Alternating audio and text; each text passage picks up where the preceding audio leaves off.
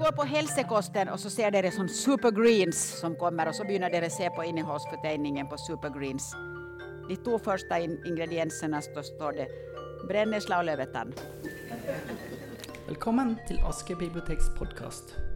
Som dere hört nu har vi idag fått besök av Rita Amundsen, som ska berätta oss lite om spiselige växter du finner i naturen.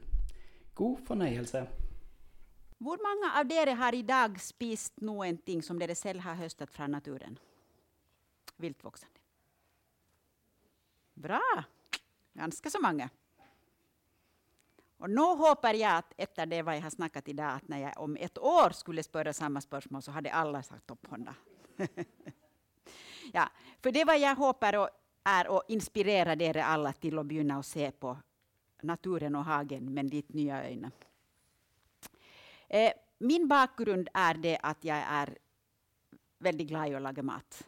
Ända sedan barneskolan har matlagning varit min stora hobby. Eh, och efterhvert har jag blivit mer och mer upptatt av att spisa eh, säsongmat och lokal mat. Och så är jag lite sån att om jag blir ivrig och lär mig någonting nytt så börjar jag hålla kurs om det. Så, och då man börjar att tänka på säsongmat i Norge så är det då, vad ska man då spisa? Så det är ganska naturligt. Nå, på hösten så har vi ju mycket som vi höstar från skog och mark och våra grönsaker börjar bli mogna och sånt. Eh, så går vi ut till en vinterperiod och så kommer våren och det är ju då de vilda växterna är på sitt bästa. För då börjar de små skuddarna komma upp i naturen. Och det är ju det man tänker vanligtvis som det vilda växt. Huvudsäsongen är ju vårparten. Men nu önskar jag förtälla att det är faktiskt inte bara på våren det är, utan detta är faktiskt en någonting som är vedvarande faktiskt genom hela det året. Och så har vi ju den långa vintern. Och visst vi då önskar att spisa lokalt på vintern, då är det ju att de tiderna på året då vi har mycket av någon växter, så då konserverar vi och tar vara på det till vintern. Eh, för en vecka sedan höll jag kurs eh, där, där temat var eh, ma, norska mattraditioner. Jag kommer ju från Finland som det hör, men jag snackat om...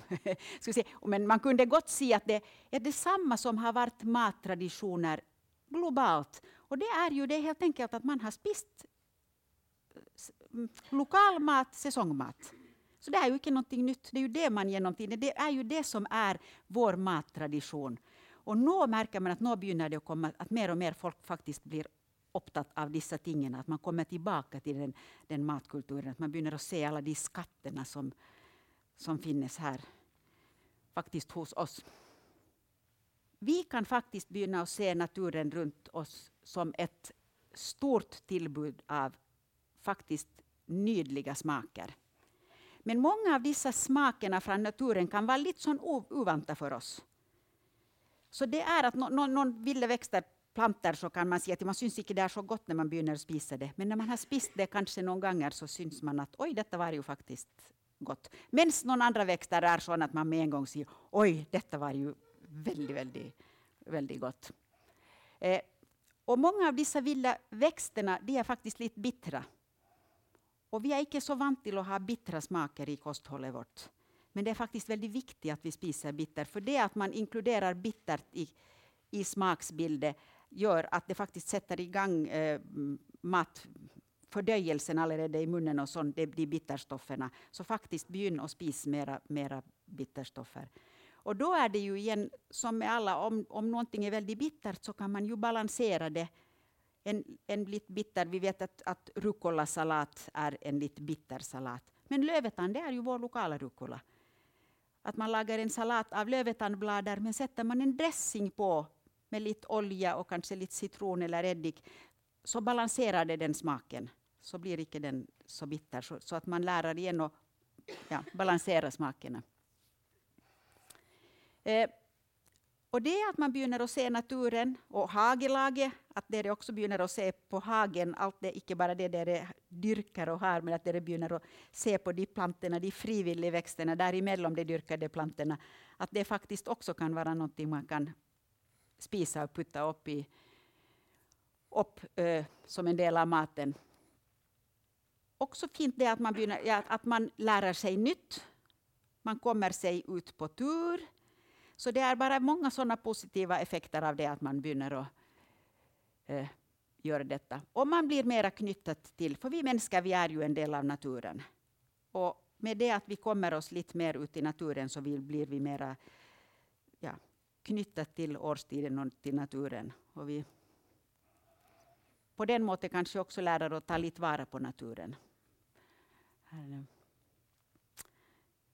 Eh, och vi lär att dela. Det är ju det. Eh, att vi också, när jag kommer och ska plocka någon blomster som jag önskar att spisa och visst jag ser att det är massa insekter, massa humlor och bier som akkurat då är på de blomsterna, så nej, nu är det viktigare att de är på de blomsterna och får glädjen av den. Att då kanske det inte är så viktigt att jag är här och plockar något. Så att man också lär att ta hänsyn till det, att, att det finns andra, andra i naturen och runt oss också som vill ha en del av godsakerna. Ja, lokal säsongbaserat, detta är bärkraftig mat. Det har något med en självförsörjningsgrad och med beredskap. Så på alla måter är ju detta en, en, någonting nytt och fint att ta med sig. Kom igång! Det är ett kämpeomfattande tema. Det, det finns faktiskt flera hundra spiseliga växter i den norska naturen. Så därför säger jag att var säker på det där plockar. Och så är det faktiskt någonting med det också, att följa den samma plantan genom säsongen. Det är också någonting man lär För att jag kan förtälla att, att geiterams, små geiteramsskudd på våren är en nylig vårgrönsak. Men när de kommer upp på våren så är inte de så väldigt enkla att skilja från andra skudd som kommer på våren. Så då kanske det är på hösten, nu kan det se att oj, här växer det mycket, för geiterams blomster plockat såg jag faktiskt idag ännu i, i byn i, som är dessa. Eh, och visst, när det ser ett stort fält av geiteramsblomst någon gång, så då kan det man gå till, på våren tillbaka och se, okej, okay, här kanske de skuddarna är. Och så börjar man att se att ja, där var de goda skuddarna. Och nu finns det ju en massa fina böcker som har kommit om det här temat också, så då är det bara att komma här på biblioteket och låna någon av de böckerna och se lite. Och man kan se på nätet att om det är då den, riktig, den, den skudde av det här som är där på våren. Eh, så när man har identifierat en planta eller någonting man spiser, så jag ser att det är skritt en. Det är på två måter man lär att känna en planta. En är att man identifierar den och nummer två är att man börjar att bruka den. Bruka, bruka och bruka. Jag ser att det är mycket viktigare att dere lagar fem olika rätter av en planta än att dere kan fem olika växter. Begynn att bruka den ena. Begynn med någonting och begynn att bruka. Hur kan jag bruka detta till frukost? Kan jag bruka det till lunch? Kan jag bruka det till middag? Kan jag bruka laga något dricka av det här? Kan jag laga några sötsaker, kakor av det här? Och tänka lite, hurdan, hurdan kan jag kanske bruka det här? Och begynna att bruka det här. Och tänk att det första året där du börjar att bruka vilda växter, begynn med fem växter. Och lag många olika rätter av de här. Och så kan man eftervärt utvidga med fler och fler planter. Och så då man har mycket av någonting, då konserverar man till bruk utöver vintern. Ja. Så det här kan man se som mat som kompletterar det dyrkade. Eller man kan bli helt vill och faktiskt spisa det här var dag hela året. Eh, jag, blev, eh, jag har då hållit kurs i det här i, i tio års tid, både om matkonservering och om spiselig vilda växter. Och så blev jag utfordrad en dag av min dotter som sitter här. Hon satt med Instagram och, och visste, jag sa att vad är detta Instagram för något? Och så sa hon, ja man lägger ut bilder och så säger kanske jag ska lägga ut bilder av, av maten jag spiser. Ja, det ska du, sa hon. Och jag begynte den dagen, så de 365 första bilderna på min Instagram är från ett år där jag var dag la ut bilder av mat som innehållit någonting vilt som jag spiste den dagen i hela året. Och det var under det året jag verkligen lärde mig mycket. För att det var ju icke, jag begynte det här 21 april 2015 och det var ju icke något problem att finna det då i april och maj, dessa växterna. Men jag visste att detta var någonting jag skulle hålla på genom hela, hela vintern. Så då måste jag ju verkligen lära mig, och lära mig ännu nya, nya ting och nya måter att bruka det här. Så alla de här bilderna där ser som jag visar här nu är från min Instagramkonto, men det är inte nödvändigtvis från det, det vilda året, men det är från Instagrambilderna mina. Eh, det när dere, någon av er hade spist idag, då var det kanske sopp dere hade spist idag. Ja. ja. För sopp är ju i, det är någonting som är i säsong nu. Så kära dere, ute i skogen finns massa. Och visst man icke känner så många sopp, så vi var på söndagen med Sopp och nytteväxtföreningen ut på en tur. Och så blir, begynner man där också kanske med en eller två sorter och begynner att bruka dem och begynner att bruka dem och bruka dem och bruka. Det gäller detsamma med sopp som med, med de andra växterna också. Här är bara några förslag, liksom, jag ska inte gå igenom allt vad det här är, men, men här är för exempel en, en bar i Oslo som har begynt att laga drinkar av bland annat sopp. Så, så här var en steinsoppdrink som jag drack i en, en bar i Oslo. Eh, vi har detta en del av vår julemat. Vi har alltid på till jul så spisar vi en sån traktkantarell och eikenötpaté. Där då eh, och här är också ett bild hur man kan bruka sopp. Alltså, eh, sopp kan brukas till att laga sån krokan istället för mandlar. Så kan man bruka eh, traktkantarell är ypperligt i det också. Man brukar smör och socker och traktkantarell så får man en härlig sån, väldigt samma smak som en sån uh, nöttekrokan. Så här var en kake som var däcket med det. Så igen att man börjar att tänka på hur kan man bruka dessa sopporna på en ny måte än vad man har gjort, uh, gjort förr. Eh, sjökanten och sjön är ju någonting som verkligen också är på kommande. Att vi har känt vilken fantastisk resurs och det är det som bor här. Nå, på hösten är det ju en fin tid att gå och plocka tang och tara till, till och konservera ut, ut över vintern. Så här var en bland annat, jag ser att biblioteket här har en bok så där kan låna och få lite inspiration till att till att börja bruka det också i maten på nya måter. Äh, ska vi se. Men det som verkligen är i säsong är också bär. Alltså mängden rognebär har jag ju inte sett på många år som det nog är i naturen.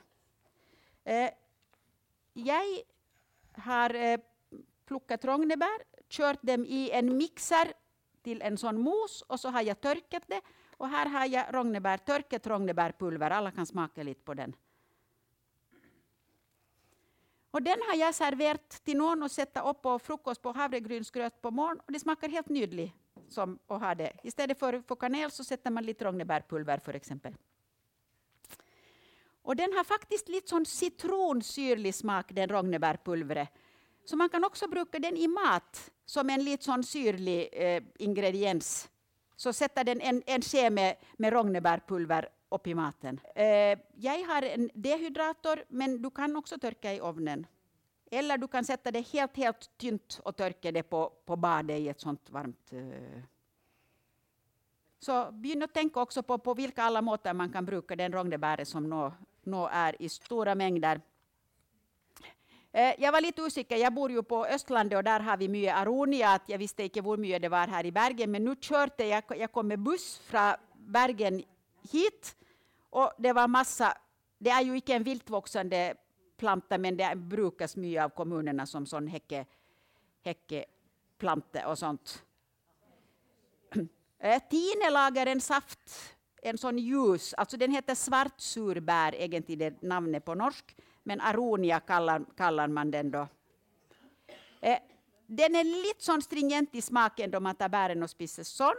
Men blandar man det för exempel igen upp i en, i en uh, frukostblandning eller saft, det blir helt nydlig saft. Bara kör den med lite vatten i, i mixer. Gelé, säger hon där. Eh, begynn faktiskt, pröv och bruk. Och jag brukar den mycket samma med äpple och med päre, för exempel. för äpple och, och för där får jag den södmen samma med den, så jag kör det till en sån mos eh, samma med äpple och päre och brukar det som eh, en sån mos. Och den mosen blandar jag också att jag sätter lite nötter och havregryn upp i, så får jag liksom såna kex, kex av det som du kan baka i ugnen till sån. Jag sänder lite runt de här aroniabären. Eh. Det är, de aroniabuskarna, det, det är faktiskt en ganska fin Visst är det här i hagen lite extra plats att planta en sån också, för den har nydlig, höst, nydlig höstfärger. Vad sänder runt de här. Så det är också då man har av dessa bären, alltså de kända bären, tyttebär och blåbär och multe och bringebär, eh, men också utvida liksom bär eh, sitt till och inkludera lite fler. Och det finns flera andra av dessa folks bär som folk har i hagar som faktiskt är, är spiselig. Så det kan man checka upp lite och lära mer om det. Och, och, ja. och så lär man där också dela med, eh, med fåglarna och andra av dessa. Här var någon fin bär. Här är ett par olika villabärböcker också som biblioteket har som man kan så lagar jag också av de olika bären så lagar jag sån bärpulver. På samma måte som det är rognebär så har jag också nu tyttebärpulver och blåbärpulver och aroniapulver och sånt. Och så geléer och syltetöjer och sånt eh, hade jag väl där. Eh, Uh, Ja, och så bär, för exempel, man kan laga en nydlig saus till maten. Alltså, tyttebär och blåbär och sånt kan ju sättas i stora. Man kan servera en, en biff med en blåbärssaus, går helt fint. Eller eh, en fisk med tyttebärssaus. Alltså pröva igen, finna fram lite nya, nya kombinationer. Och, och, många av dessa röda bären igen, eh, och andra är väldigt gott att sätta på. Här har jag till exempel en små fisk där jag satt någon, någon bär upp på. För det ger igen en sån liten, det blir pent att se på den, den lilla syrligheten. Istället för väldigt många brukar nu lite sån citron att sätta upp på fisken. Men då kan man bruka lite av de bären vi har. Och där funkar ju rips och stickelsbär också väldigt fint att sätta, sätta upp på som en, som en lokal eh, ingrediens till att bruka på. Ja, här var olika sill, sillar som är kryddat med och mer traditionellt är ju då sådana de, desserter på de olika bären. Eh, och så är det ju ganska göj och jag lagar en del sådana mm, likörer. För exempel, det är ju en artig liten gave till andra och till ha. Och då är det bara att sätta, köpa en, en vodka eller, eller man kan köpa rom eller någon annan mm, mera starkt smaklig sprit. Och så bara fyller man upp bär i det och har. Så då får de, den spriten får en nydlig bärsmak plus att de bären blir ju en fin dessert till att bruka samma med is och kräm sidan till bruk ut över vintern. Så. Är det här i Bergen också, i vart fall hemma hos mig, har jag aldrig sett så mycket hasselnötter som i år. Har du sett? Extremt mycket. Eh, vanligtvis så har jag sån i min hage att nio av tio tomma. I år trodde jag att det hagglade en dag det kom och det bara, gårdsplatsen var full av hasselnötter och nio av tio av dem är fulla med hasselnötter i år. Alltså. Kanske någonting med fjorden den, vintern, men det är många som nickar här också att det är mycket hasselnötter i år. Så vi har ju faktiskt massa hasselträd runt oss. Så det är att gå och finna sina egna. Och de hasselnötterna, då bara törker man också lite på, på, i rumtemperatur så att icke de, att icke de mugnar. Och så har man det till ut, bruk utöver. Eh, här var också jag nämnt eikenöt i stad. Här är också något kex, alltså då, någon år när det har varit mycket eikenötter, men det kräver lite mer sån eh, preparation. Jag, jag huskar att jag kokte de någon timme, de nötterna i olika vatten för att få bort någon sådana bitterstoffer. Ja, jag, jag, jag har lagt sån mel av det. Jag fann ut bara någonstans där hur, många gånger man, eller hur länge jag skulle koka dem. Och efter det så körde jag det i maskin till som pulver och jag har brukt det som sån uh, eikenötmel. Tänkte du att det var någon andra sorter som vi har? Nej. Ja. ja. och, och, och, det är väldigt mycket sådana ting runt om att man eh, tänker att man har blivit lärt att någonting är giftigt eller något sånt. Och, och det kanske helt enkelt varit ovitenhet man inte har visst. De norska är hästekastanjer och de är inte, jag vet inte om de är giftiga men de är inte goda. Medan de kastanjerna i sydpå är, är eh, och tillbaka till någon av de norska bären så är det faktiskt så att de stenarna, som rödhyll kan man fint laga syltetöj av, men man måste ta bort, för den, den stenen innehåller någon stoff som i kroppen lagar någon, någon giftstoffer. Så att, men, men att det, det är mycket, alltså den bär, bärmassan av, av rödhyll kan spisas men icke. Så därför har man sagt att rödhyll är giftig, men det är icke, det är faktiskt, den är spislig men en del av den. Så det är igen här att man ska veta vad man, vad man gör.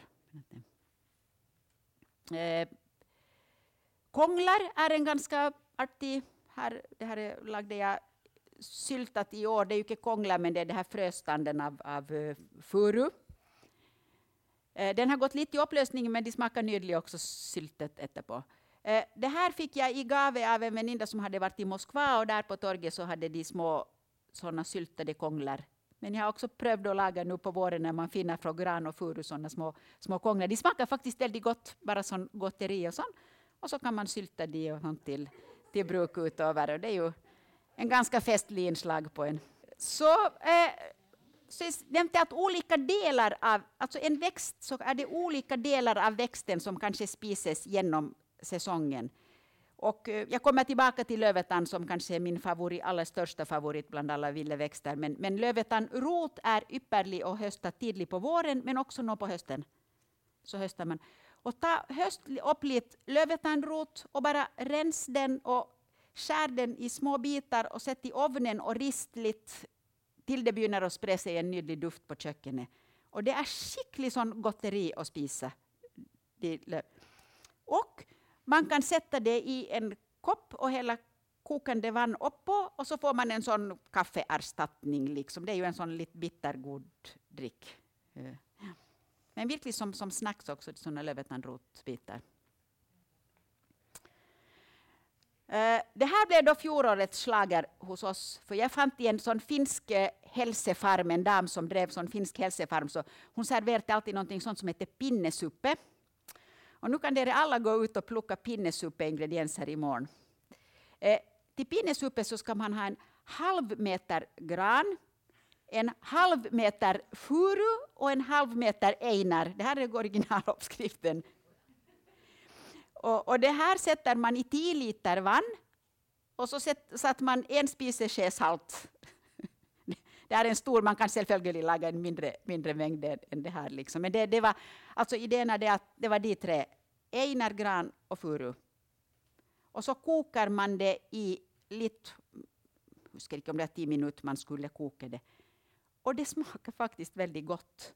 Det, det blir en, en nydlig sån, sån suppe och vi, vi serverade det lite som, som tull till någon sådana ungdomar och sa att här är pinnesuppe och den här. Och så den reaktionen, oj, nej, men det här var ju gott den här pinnesuppen alltså. Och det var faktiskt hon på hälsofarmen säger att det är faktiskt dessa nålträna våra, de innehåller någon sådana eteriska oljor och stoffer som faktiskt är väldigt gott för, för neglar och för hår och, och sånt. Eh, Sådant att vi kan laga till våra egna hälsodricka till att dricka utöver och, så, och visst man kokar upp en lite större mängd av det här så kan man ju ha i kylskåpet och så driva och, och dricka, dricka av pinnesuppen. Och, så. Och, och, det är ju så man har fått näringsstoffer. Jag var i Finnmark första gången i år i, i och inte snacka om gamla traditioner där och där spiste man ju det, hurdan de fick C-vitamin på vintern till, i tidig tid, det var ju inre barken av furuen. Ja. Så, så dessa, och, och jag också skönt faktiskt att dessa nålträrna, fast du kokar det här så är den C-vitaminen intakt lite i det här, säkert i den pinnesuppen också. Men att där brukade man den inre barken. Och den kan man ju också faktiskt ta hela, hela året, liksom, så, så var den tillgänglig. Så att, ja.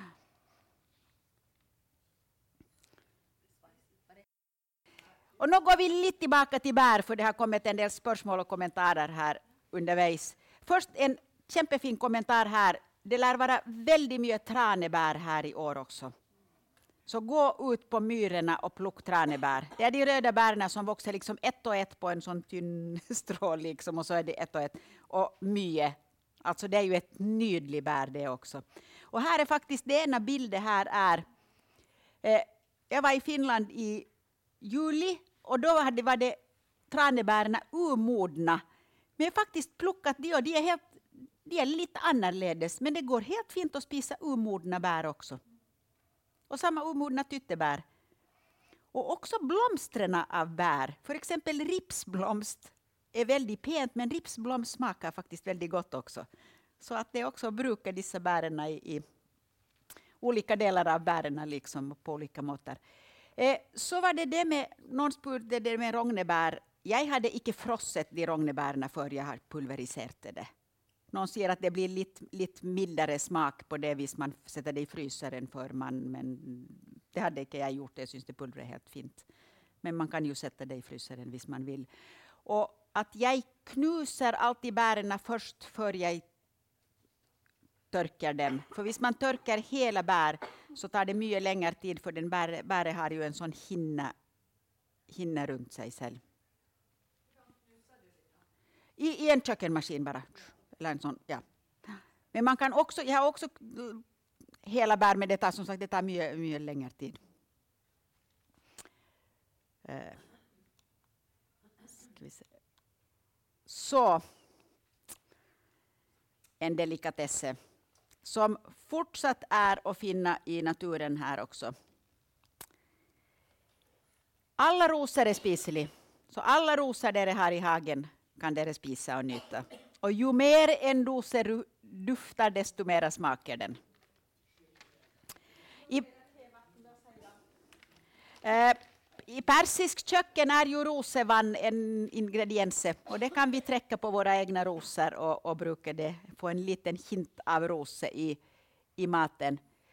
Men av de viltvuxande rosorna så är, syns jag faktiskt den rosa rugosa, den nyperosan, är helt super. Och det som är så fint med den plantan, dessa plockade jag igår, att den fortsatt har hela säsongen på samma planta har du blomster och du har de nydliga sådana blomsterknoppar och så har du de nyporna. Och alla dessa har ju egna bruksområden.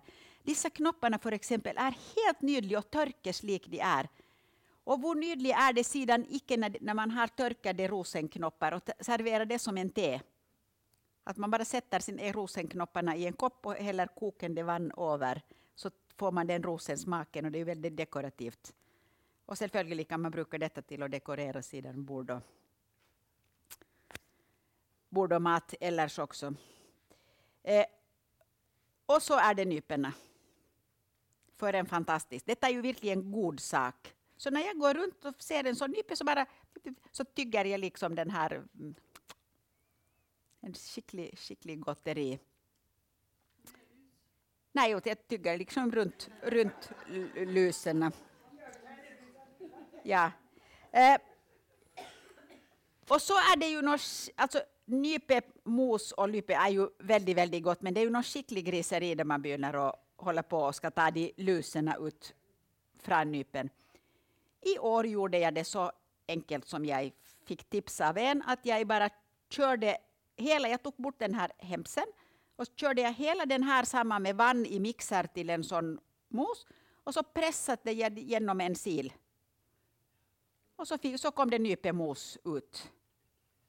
Ja, och den var helt fin att bruka till, till gelé och, och suppe och sånt som uppe där till höger. Nej, den, den, de luserna blev igen i, i silen. Nej, alltså, visst man är, no, någon kunde säkert ha sagt att den smakar lite som lus, men jag syns det gick helt fint att så spisa den. Så.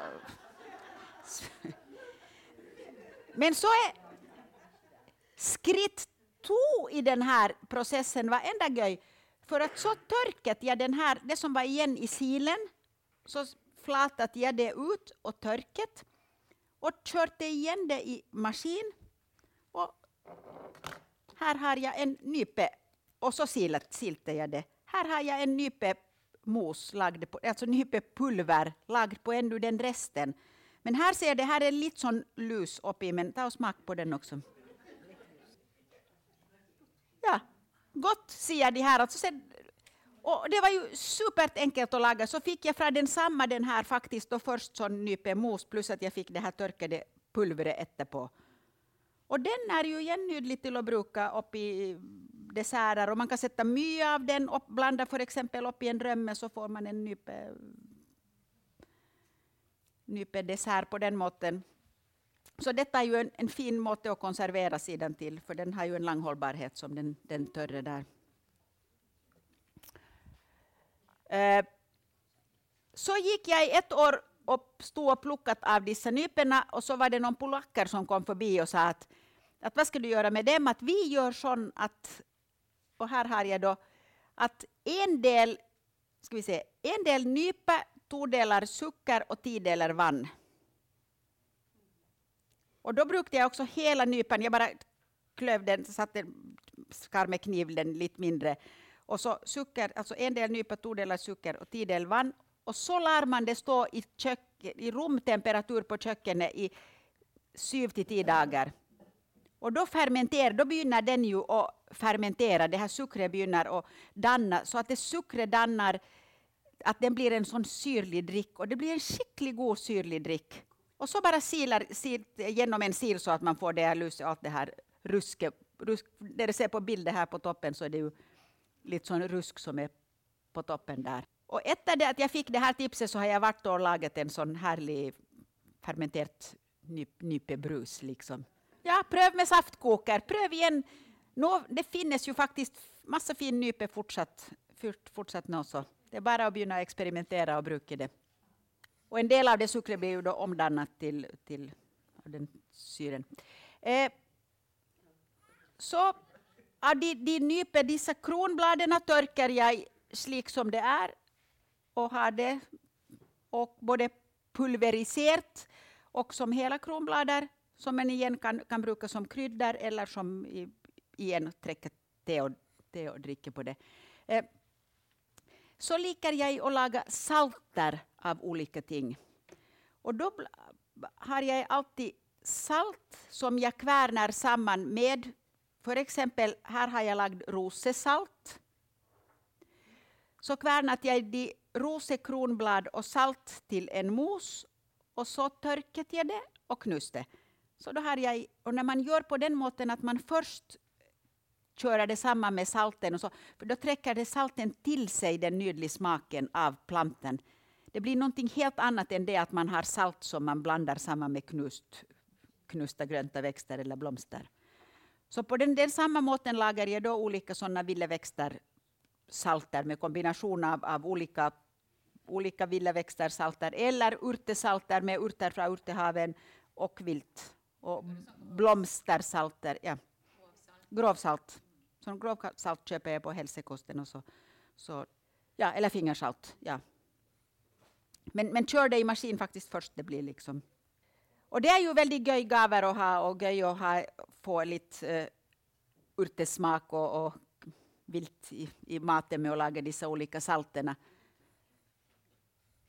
Uh, och de, dit kan man, de salterna törkar jag bara i, i rumtemperatur igen. Flattar ut och törkar. Men har man en törke eller dehydrator så kan man göra det, men det, det går fint att törka det i rumtemperatur. Och så lagde jag här också rosesucker i år. På samma måte körde jag rosekronblader och socker till en mos. Och så törkat det. Så det är det sån rosegotteri. Alla de olika bären vi har och, alla spis, och många de spiselig blomster som har en sån nydlig blomsterduft lagar jag safter av. Jag kallar det vidunderliga elixirer. Här ser man vilka fantastiska färgspill man också får. Och då tar jag ett glass och sätter socker på bunne. Så fyller jag, nej, alltså växter, alltså blomster eller bär på bunne. Och så fyller jag upp med socker, glasse och så fyller jag upp med kokande vatten. Så det blir en, och så, men jag kokar icke det, det blir sån råsaft. Och så lär jag det stå sån fyra, fem dagar i kylskåpet. Och gärna ett par skivor med, med sån citron uppå för att få lite syrlighet. Då blir det en sån saftkoncentrat av det här. Eh, så det blir nydlig på, på rose, men här är också nydlig på, på mjödurt och hylleblomst. Här är mjödurt och hylleblomst och geitrams för exempel. Och då blir det en sån saftkoncentrat och den blir ju väldigt söt. Men jag brukar inte någon konserveringsmedel i det, så den har ju inte så lång hållbarhet. Så jag må uppbevara den i såna små påsar eller glass i, i fryseren. Och den koncentraten är ju då, den kan jag blanda med vann till saft. Jag kan blanda det med, med farris till, till en brus. Eh, jag kan blanda det med vitt vin eller champagne till en härlig blomsterdryck. Eller jag kan blanda det med någon sprit till en likör. Men också bara att ha den saftkoncentraten som en sån liten dash upp i maten. Så får du en sån liten hint av sån olika blomster och det är bara nydligt att sätta det upp i maten. Eller i den röran då man lagar såna lappar så sätter man lite sån blomstersaft upp i. Liksom. Men visst man kokar det med Visst man kokar det upp och brukar ända mera socker, då lagar man en sirup av de här samma. Och den sirupen den, träng, den håller ju sig i kylskåpssidan, den tränger man inte sätta i frysaren. Men då blir det ända, ända sötare. Men det är ju väldigt kuslig att ha sådana saftsiruper också till. Och, det, och de kan man ofta när man bakar kakor också, så kan man ersätta socker med någon av dessa blomstersiruperna man har, liksom, så får man en liten sån blomster. Eh, och då är det ju så, eh, lagar jag, sån hemmalaget is blir väldigt gott. Då tar jag en box med flöte och blandar med tre äggeplommor och så sätter jag lite sån saftkoncentrat. För exempel en, en mjödurtis, hemmalagat mjödurtis är bara helt nydlig. Och mjödurt, eh, det är ju vår vanilje. Så törkat mjödurtblomst brukar jag i, i, i de uppskrifterna där jag ska bruka vanilje. För att den har en liten sån eh, vaniljesmak. Och den plockat jag för jag brukar då olika delar. Den plockade jag faktiskt ännu igår. gick jag runt och plockat. Detta är mjödurt. Men den, jag kan sända det runt och ha det där den luktar, för nu är de fröna där. Och jag smakade lite på de fröna, så de har också lite nu av den mjödurt. Så man kan faktiskt bruka det som kryddar ännu, det där mjödurtfröna. Och självklart laga saft, saftis till, till det är ju, ja, då blir det äkta saftis istället för det man köper i butiken som är bara färgstoffer och smaks, smaksaromatillsättningar. Så jag har sådana saft, saftispinnar. Eh, Där var en klöverblomstsirup kokt på vitklöverblomst. Och jag lagade hemmalagade viner. Det är ju ett eget kapitel i sig, men det lagar jag både av, av eh, blomster och av eh, bär. I såna, jag har såna fyra, såna, en gallon såna små såna vin, vinflaskor. Och detta var ju väldigt populärt för en 40-50 år sedan var det många som lagde hemmalagda viner här. Och så hade det liksom blivit lite borta, men nu börjar det komma, komma tillbaka igen och det är väldigt göj att experimentera med det. Jag syns det var någon bok här också som var lite om sån glädjer i glass, där står säkert om, om det.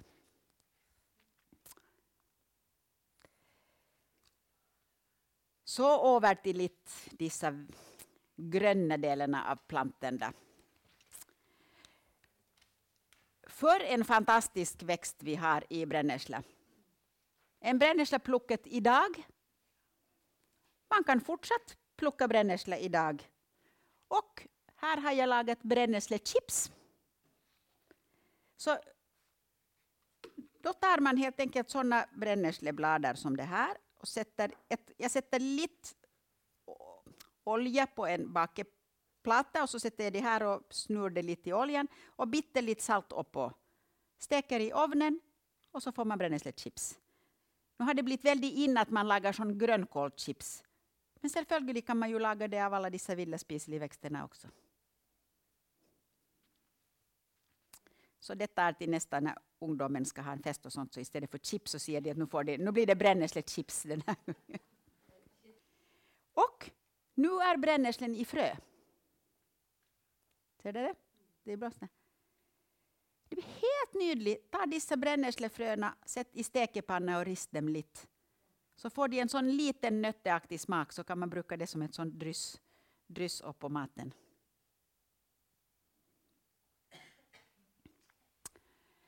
Eh, men det är ju på våren jag höstar mycket brännässla till konservering utöver vintern.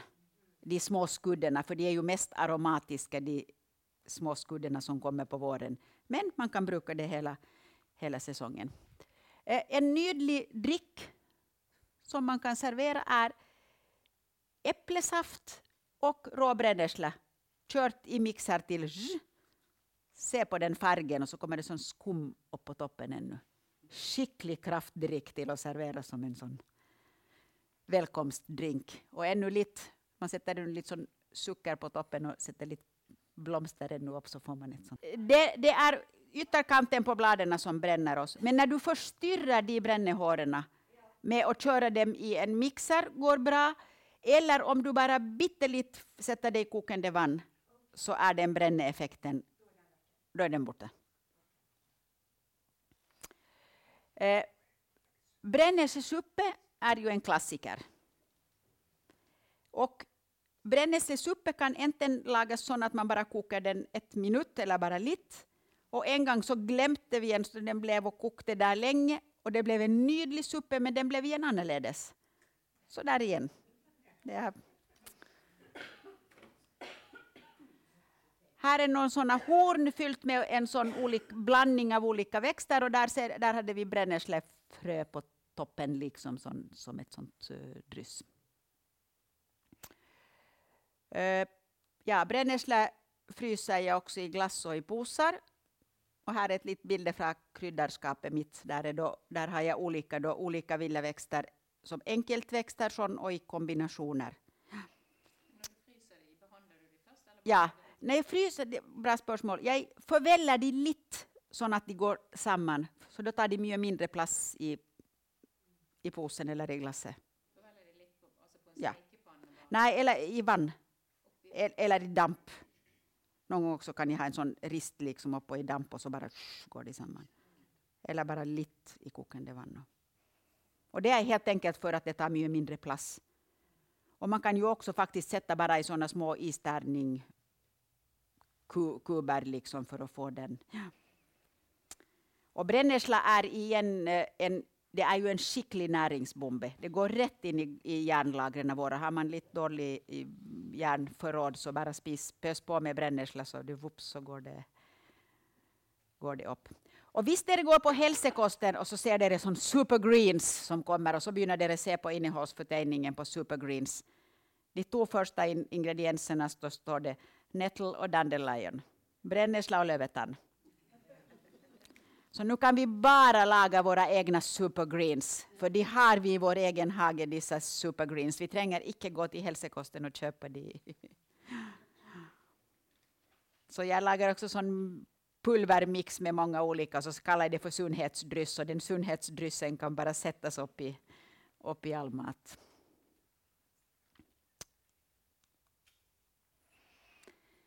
Ja, jag nämnde allerede att lövetann är min favorit och det är, en, det är bara så gott med lövetan. Men lövetanplantan, och när ni ser på en lövetanplanta så någon är sån väldigt pen och vacker och andra är sån rufsete och ser helt annorledes ut. Och då man smakar på det så kan de också smaka helt olik. Så smak det fram och när ni finner en som det syns är behaglig så höstar det den från den planten. För någon är mera bittra än andra. Men jag har ju sett i utlandet eh, att lövetandbladar står i hylla vid sidan av andra villa, eh, dyrkade växter till en dyrare pris än de dyrkade. En spinat för exempel. Och det är igen den, den bitterheten är någonting sånt att man kan lite öva, öva upp sig och balansera med de andra smakerna. Eh, här är en min favorit. Jag tar upp lövetan, liksom som det ser helt, här, här startar ju roten liksom hela den. Så kuttar man med kniv av här och den här delen brukar man i salatbollen. Men den här delen kan man dampa. Jag liker att smördampa eller bara dampa sådana villeväxter. Och jag kallar det för lövetan rosett. Och den har en skicklig smak som artichock. Jag ser många hade icke en blindtest tagit forskel på en artichock och en lövetan. Och då kan man spisa den akkurat som en, som en artichock, alltså med smältet smör. Passar väldigt gott med det. Eh, och lövetan har annars också lite sån robust smak, så samma med lite bacon eller med blåmuggost passar väldigt gott samman med sån lövetan rosett. Eller här är bilder av Norges nya nationalrätt. Eh, 17 maj är ju Lövetannen, i vart fall i Osloområdet, helt på topp. Tänk om alla i Norge skulle börja gå in för det att Lövetans stilkspagetti är Norges nya nationalrätt. Då tar man själva den blomsterstilken, tar bort blomsten, för den kan man bruka till, till pynt, den dekorerar man maten med eller lagar saft av den.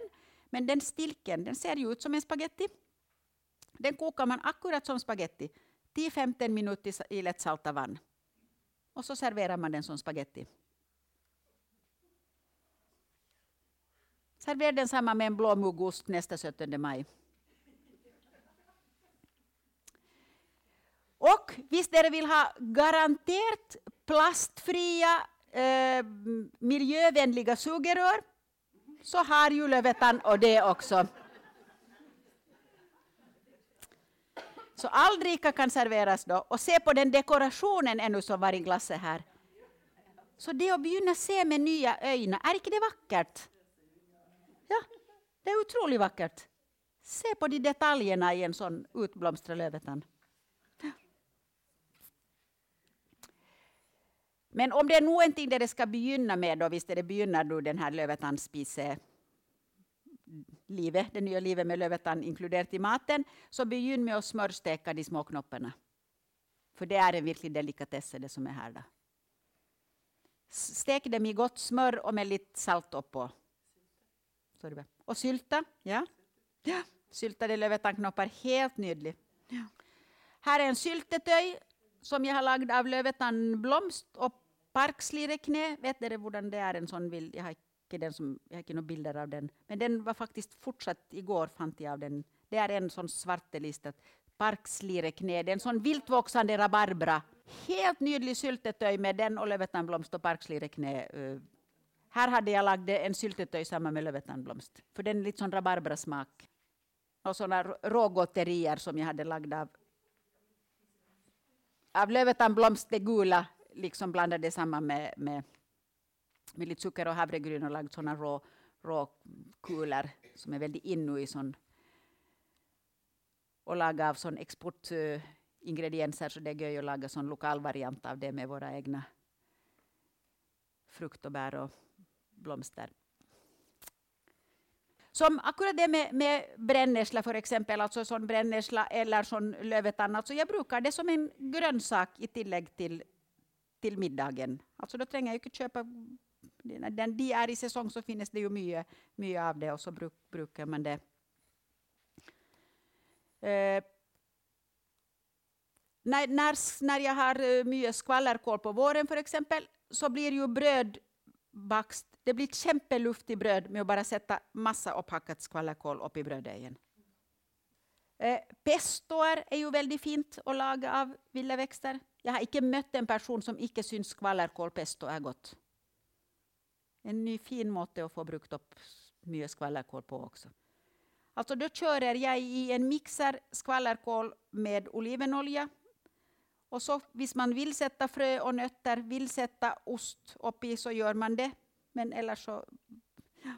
Finn vilken som helst pesto-uppskrift där det likar och så bara bytte det ut basilikum och persilja med, med säsongens vilda växter. Eller brukar det i tillägg till, till det dyrkade. Eh, syre. Alla planter i syrefamiljen, det finns ju många planter i den samma familjen också, de är ju härlig, ger en härlig syrlighet i maten, till salaten, till andra maträtter. Kan igen brukas som en sån citronerstatter. Och både till sötade, söta rätter och till salta rätter. Sätt också lite upp i en fruktsalat eller upp i en, en annan dessert så hackar man upp lite syreblad där så får man ett sånt syrligt syrlig inslag. Och göksyra, det är icke i den samma familjen men den har ju också den samma, eller gauksyra. Dessa kan ha också lite olika namn i olika delar av, så att man kanske känner, känner dem med lite olika namn. En växt jag verkligen har spist i stora mängder i år är vassarve, eller hönsegräs. För den har vi haft väldigt mycket runt om i, i det har varit så fuktig, fuktig sommar. Eh, den har en lite sån ärteaktig smak. Och i en salatbolle är den väldigt göj för den har lite annorledes textur igen. Den är lite mer sån crunchy i konsistens, för det är ju lite göj att ha i en salatbolle också lite olika typer textur. Det är därför folk liker isbergssalat, för att den har den knasprigheten. Men det har också den eh, vassarven. Lite ärt, den har lite sån ärtesmak. Ja, så den, den är icke bitter. Och, och virkelig, den, den är lur kanske att hösta med sax lite. För att när man drar den upp sån så är det väldigt lätt att man får, den har så liten, roten är så, den kommer för fort jord med i den. Så har man lite sax så klipper man, men man får stora mängder av den. Alltså virklig bruk den som en grönsak. Och upp i super, upp i stuingar, upp i burgare. Igen tänk vad allt vad man kan bruka dessa upp i. Och ett väldigt gott tillbehör nå är, här är upphacket nype, vassarve och olivenolja och lite salt. Som en sån säsongens tillbehör. Alltså sån nype och vassarve och olivenolja. Bara kör det till en sån mos i maskinen och lite salt så blir den nydlig. Eh, groblad Också en nydlig, nydlig grönsak som kan höstas hela, hela. Men där också de, de små minsta nya bladen liksom är mera eh, delikata i smak. Så om man höstar lite av de större bladen så då drar jag bort så att de där grovaste liksom, eh, delarna blir borta. Liksom. Man drar sån. Och då är den helt nydlig att ha den som, som upphacket i mat. Den är fin, fin grönsak och igen som finns i stora, stora mängder att ta av. Bara rå eller som en, eller som en grönsak. Eller, eller smördampar igen. Som jag sätter, sätter lite vatten och en god klatt med smör och så lär man det koka lite in i den smöret liksom, så blir det växten ofta väldigt goda bara, bara sån. Eller, eller jag kan, om jag lagar en stappe av nu, potet eller en rotmos, så bara sätter jag massa villaväxter liksom upp i, så att jag har brukar det. Om jag ska laga, om jag ska laga en omelett så fyller jag upp det med upphackade villa, lagar en saus av villaväxter och, och kanske steker det upp samma med lök och sätter det upp i omeletten. Upp i pannekakor, röra, upp i... Liksom bara tänka att va, vad ska jag spisa idag och hur kan jag inkludera det här upp i, upp i maten min. Och dessa blomstren av groblad det här, alltså nu har de nästan nu har de gått upp i fröstand här, men för, först liksom när de är helt lite tidigare stadie så är det en nydlig grönsak. Och den har faktiskt lite sån soppsmak. Så kok, servera den som en, som en grönsak då när den är, den är i säsong. Visst den går lite längre de här, så då tar jag och då träcker jag och de här fröna och då brukar jag ge de fröna upp i maten. Sen när den, när den har blivit någon, någon uker efter det här, den tidiga fasen så, så blir den mera så att den börjar bli lite bruna. De här. Ja. Och då brukar jag de, de fröna. Och det har också en, en väldigt mild och behaglig smak, groblad.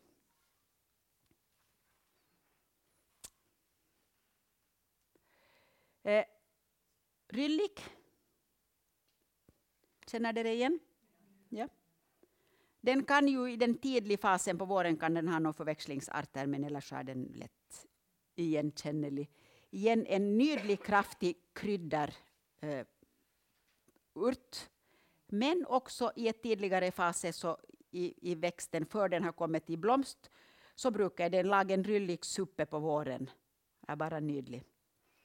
Och vinnaren i en finsk vildmat uppskriftskonkurrens var sådana ryllikbollar. Den kan jag ta och sända till dig, uppskriften på din, liksom, för den, den har varit en väldig succé hos många. Och ja, här var ännu sådana rullader igen som jag lagd av, av lite större groblad. Så jag packat in, jag huskar inte om det var ris och, och, bara grönsaker eller om, om det också var något kött som var upppackat in i, in brukar det som rulladerist. Och både granskudd och furuskudd, det kanske, granskudd hade det kanske brukt allerede, men det är en ganska sån fin, fint att begynna med och bruka som, som en vildväxt. För att granskudd är ju igen, det är, det är ska vi se, väldigt gott och det har en väldigt spännande, spännande smak. Igen lite sån syrlig, söt uh, smak som passar både till desserter, både till sött och till, till salt. Så jag eh, konserverar granskudd i, i olivenolja. är väldigt fin måte också konservera någon av dessa växterna helt enkelt. Man sätter det i olivenolja och, och alltså granskudd i ett glas och hälla över olivenolja. Då må man bara passa på att de granskuddarna hela tiden är däcket av olja, för visst de kommer på toppen någon av de så kan de mugna. Och så efterhvert så kan man då bruka de granskuddarna upp på det här är någon brödskiva där jag har under en, en uh, syltetöj eller en, av, av olika sådana mörka bär. Och så upp på toppen liksom lite sån granskudd som har varit i, i olivenolja. Och så är det säkert någon ramslök blomst också, eller ramslökknopp som, också är, som jag också konserverar i, i olivenolja. Och det är faktiskt någonting, det var en väninna som sände bilder att det är också någonting man kan hösta hela året. För hennes juleträ begynte plötsligt att slå nya skudd. Så då är det bara på julen helt enkelt att hösta maten rätt från juleträdet rätt på tallerken. eh, Grannskudssirup är ju en sån klassiker eh, att laga. Eh, här har jag lagt grannskuddssocker på samma måte som jag lagde den rosesucker så lagde jag med socker också som grannskuddsgotteri. Och grannskudd i frysaren, då är det ju bara att ta det fram och bara dryssa upp på maten. Granskudd rätt från, rätt från frysaren. Och här är en bild av lite olika salter, så jag har då också lagt granskuddssalt. Det var då en av de salterna här. Så att Och på samma måte som grannskudd så är furuskudd. Det har ett lite annorlunda smak, men brukar de på samma. Och här då godbiten som också finns väl här i ganska stora mängder. Och det är ju det här som har fått att folk får öjna upp för att bruka vilda växter. Ramslöken har ju blivit en skicklig, skicklig hit. Så det är igen att begynna att bruka. Eh, här är bild av eh, sån lammerull som jag lagt till jul. Så den är då fylld med, med sån ramslökpuré och blåbär. Så där också brukar liksom de lokala kryddorna till, till att krydda. Och, ja, och så kanske jag hade någon urt, urtesalt. Jag huskar inte helt jag hade. Men den. Och också ramslökbladen kan ju brukas. Det här var någon sådana rullader igen, att jag hade lagt någonting upp i ramslökbladet. Och ramslökbladet blir också väldigt god som chips. Som jag lagde med de brännässlebladen så lagade jag chips också av, av syreblader, lövetandblader, ramslök. Alla blader kan man laga som chips i ovnen av. Och sen hur dekorativ den ramslöken var ännu är. Liksom, när man och I ramslöksskogen går jag också flera gånger med olika hänsikt. Jag går först tidigt på våren för att plocka bladen, för då är de mest kraftfulla i smak. Så lite senare på säsong, i säsongen så går jag och plockar eh, fröna, alltså de där för, för den går i blomst. Nu var det inte någon sån knopp. Ja, där är några knoppar som jag har lagt på, på olja. Så går jag och plockar både de blomsterknopparna och de blomstren. För de blomstren är ju nydliga att frysa som så, för de har ju också en ramslökssmak. Och så kan man bara ta de, de blomstren från frysaren upp på maten och ha lite det som lök. Så är de väldigt fina. Både jag, jag fryser och jag mälkesyrejärar och jag lägger på olja av det. Och då är det ju en härlig att bara ta en handfull av de, det liksom sidan och sätta upp i maten som, som lök. Och så går jag sista gången i säsongen så går jag och höstar fröna. För där har vi ju en skicklig koncentrerad ramslökssmak. Det är ju en skicklig sån, istället för peppar så kan man bruka då den där, den där ramslök. Eh, så verkligen brukar den genom hela. Och ramslök kör jag ju i stora mängder då med olja till en sån, som deras säkert också då gör, kör det till, till en sån koncentrat. Och den har den erfaringen, den håller sig i kylskåpet genom hela vintern.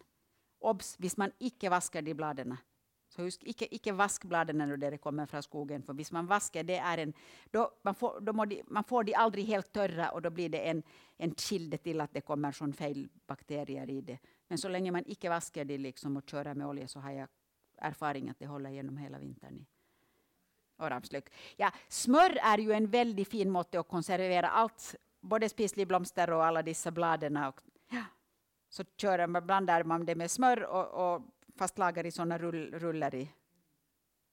Sätta det in i plast i sådana, så är det bara att skära upp skivor och så har man en nydlig. Det här var de växterna jag tänkte att vi kunde gå igenom på den här lilla introduktionen. Men jag bara säger att bara begynn med någon av de här och experimentera så kan jag, jag ser att vilda växter de förtryllar vardagen och förgyllar festen. Så det är bara att experimentera sig fram här. Ja,